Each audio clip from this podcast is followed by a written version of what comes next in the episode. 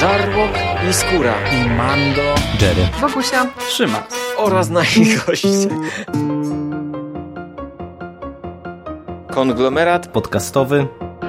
Wasze ulubione podcasty w jednym miejscu. Zapraszamy. Zapraszamy. Zapraszamy. zapraszamy. Zapraszamy.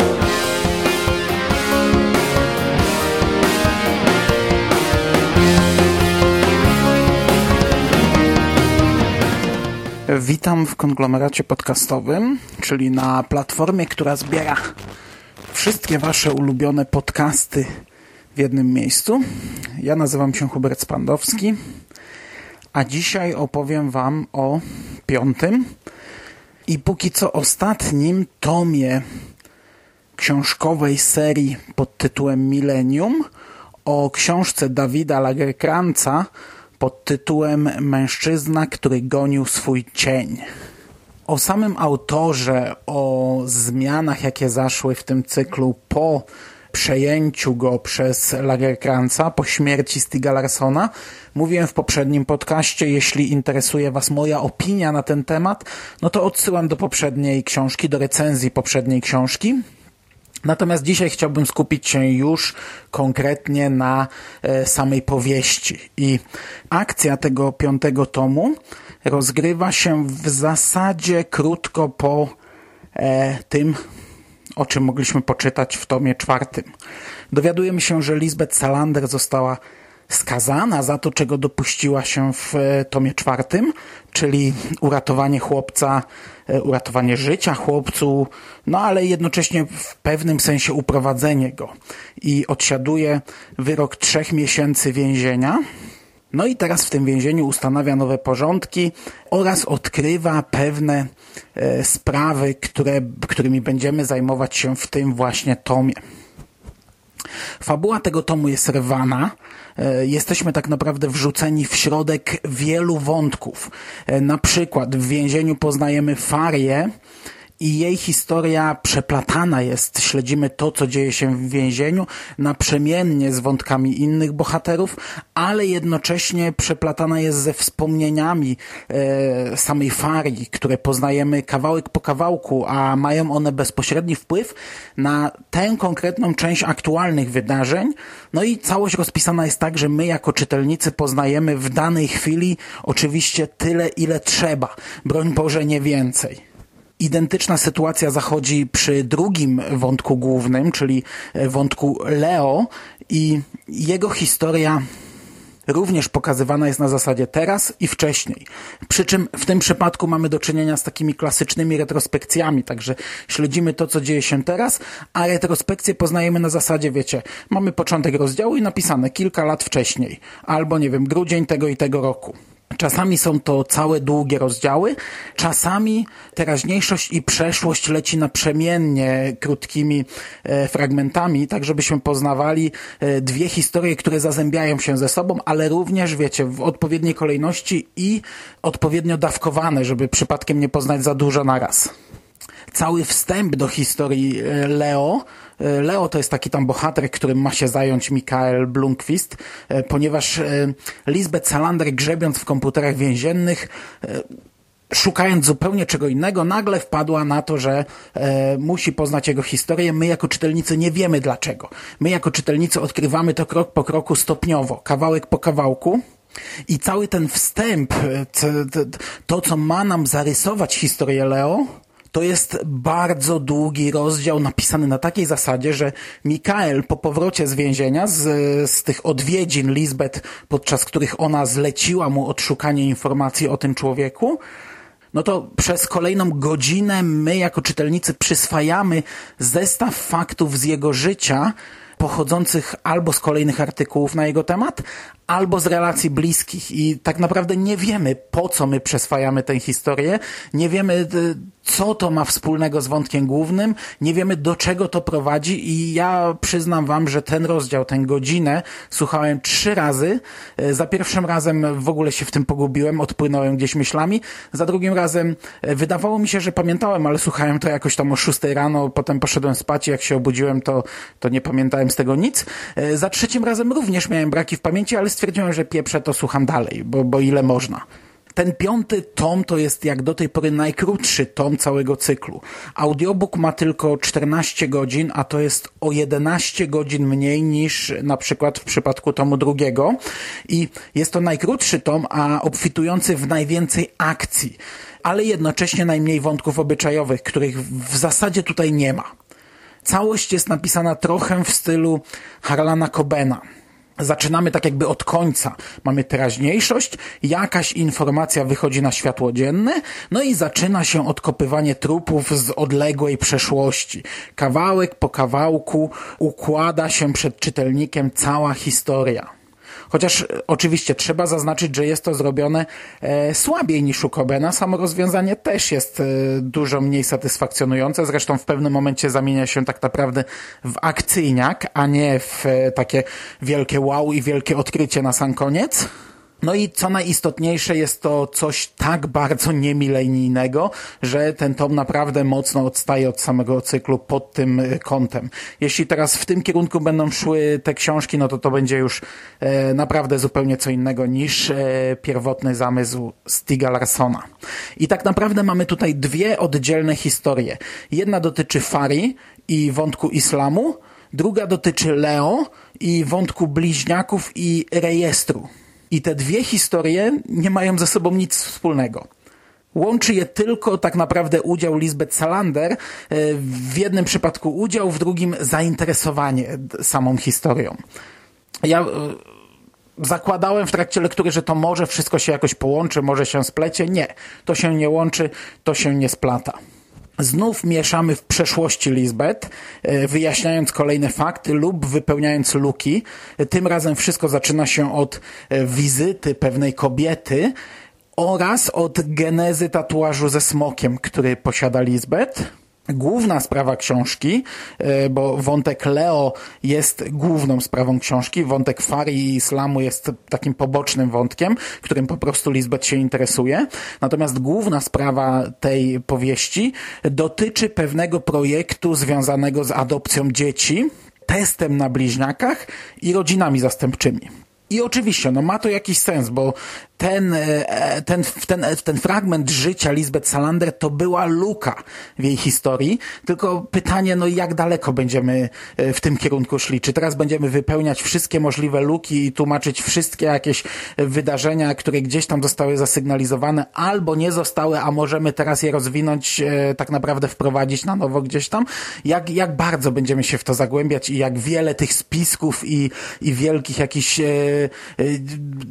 zagrań na ogromną skalę ma związek z tą jedną niepozorną kobietą, bo po, po tych pięciu książkach, no, no pierwszą powiedzmy możemy wykluczyć, po tych czterech książkach to już powoli e, staje się takie nie, nie, nie bardzo, nie tędy droga wydaje mi się, powoli trzeba powiedzieć stop.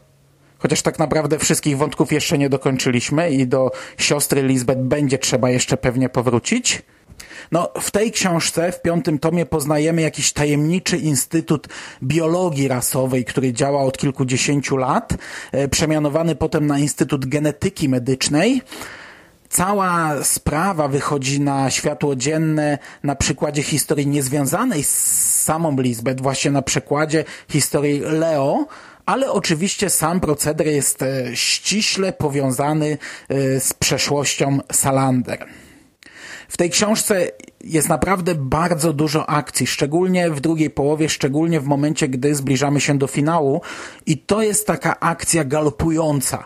E, wiecie, wszystko na ostrzu noża, tutaj minuty dzielą naszych bohaterów od śmierci, a my mamy serwowane wydarzenia e, naprzemiennie, e, poszatkowane po kawałeczku, w coraz krótszych fragmentach, tak żeby utrzymać nas w napięciu i to działa, to jest zrobione bardzo fajnie, to się słucha czy czyta jednym tchem, Inna sprawa, że to średnio pasuje do tego cyklu. Do tej pory nigdy książki z cyklu Millennium nie były pisane w ten sposób.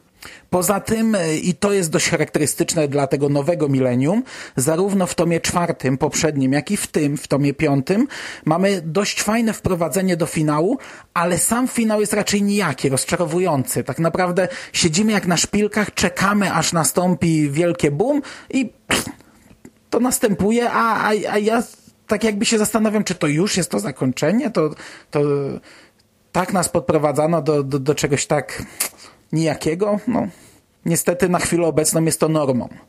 E, co charakterystyczne, jest to pierwszy tom, w którym w zasadzie nie ma już milenium.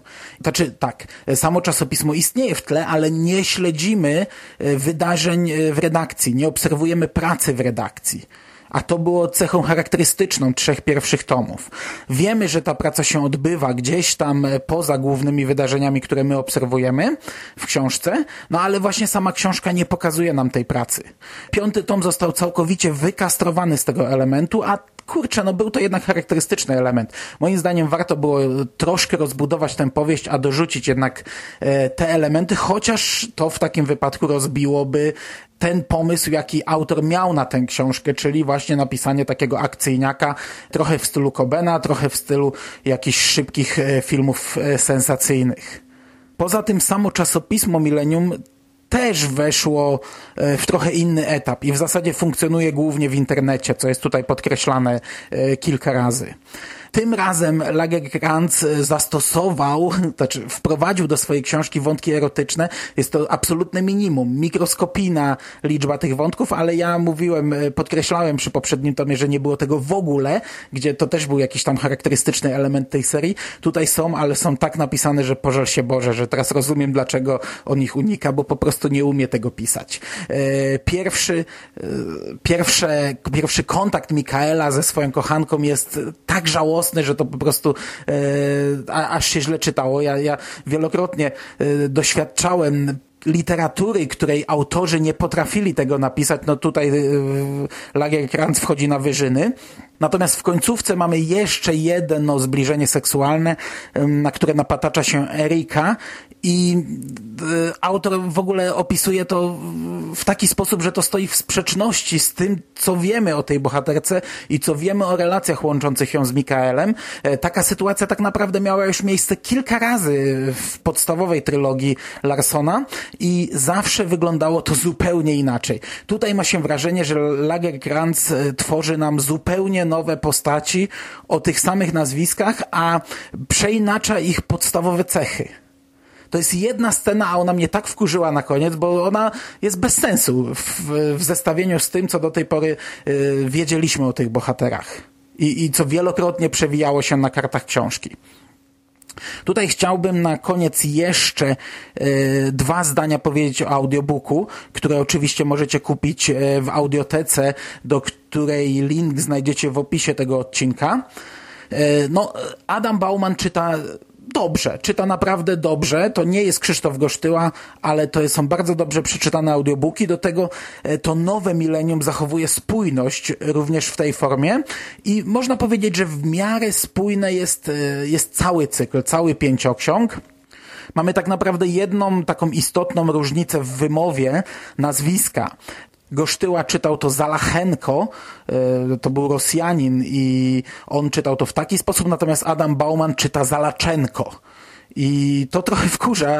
Oczywiście to jest mało, ale e, to nazwisko bardzo często pojawia się od drugiego tomu. To jest e, coś, co e, przewija się przez każdą kolejną książkę. Tak czy siak, to są naprawdę dobrze wydane audiobooki. Wszystkie pięć książek jest przeczytanych bardzo dobrze. Ja teraz już po zamknięciu aktualnie dostępnego cyklu naprawdę bardzo polecam zapoznanie się w takiej formie. Sam to zrobiłem i wiem, że warto. Podsumowując, e, nadal cieszę się, że ten cykl jest kontynuowany, e, bo to tak naprawdę nie jest zła książka. Ten piąty tom Mężczyzna, który gonił swój cień, nie jest złą książką.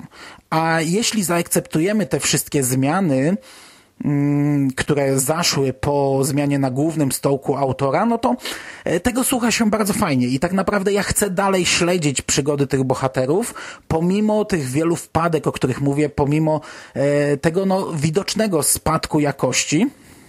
Jednak trzeba zaznaczyć, że jest to książka mocno odbiegająca od tego, do czego przyzwyczaił nas Stieg Larsson. Trudno mi powiedzieć, czy ten piąty tom jest lepszy czy gorszy od tomu czwartego, zestawiając tylko nowe milenium. No, pod wieloma względami e, jest lepszy, ale pod równie dużą liczbą różnych elementów jest gorszy. Na pewno jest mniej milenijny, choć to też jest temat na większą dyskusję, bo e, to jest po prostu e, odstępstwo w inny sposób. On w inny sposób wypacza tę historię. E, Osobiście stawiałbym je raczej na równi. To są inne książki, ale patrząc na cykl jako całość, one prezentują mniej więcej podobny poziom. Każda ma tyle samo drobnych plusików i tyle samo większych minusików. Plusem tego piątego tomu jest brak technobełkotu. E, Ta książka nie męczy, tak jak zdarzało się to przy tomie czwartym.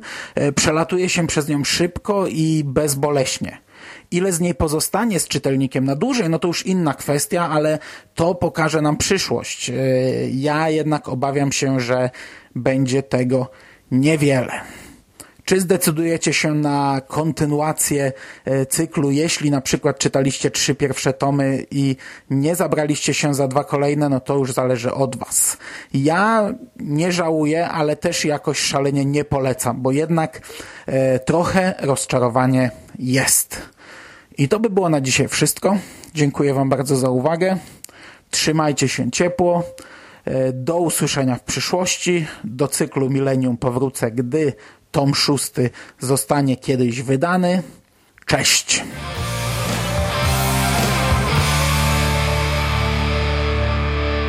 You finished? That's it, man. Game over, man. It's game over. What the fuck are we gonna do now? What are we gonna do? It's over. Nothing is over! Nothing! You just don't turn it off!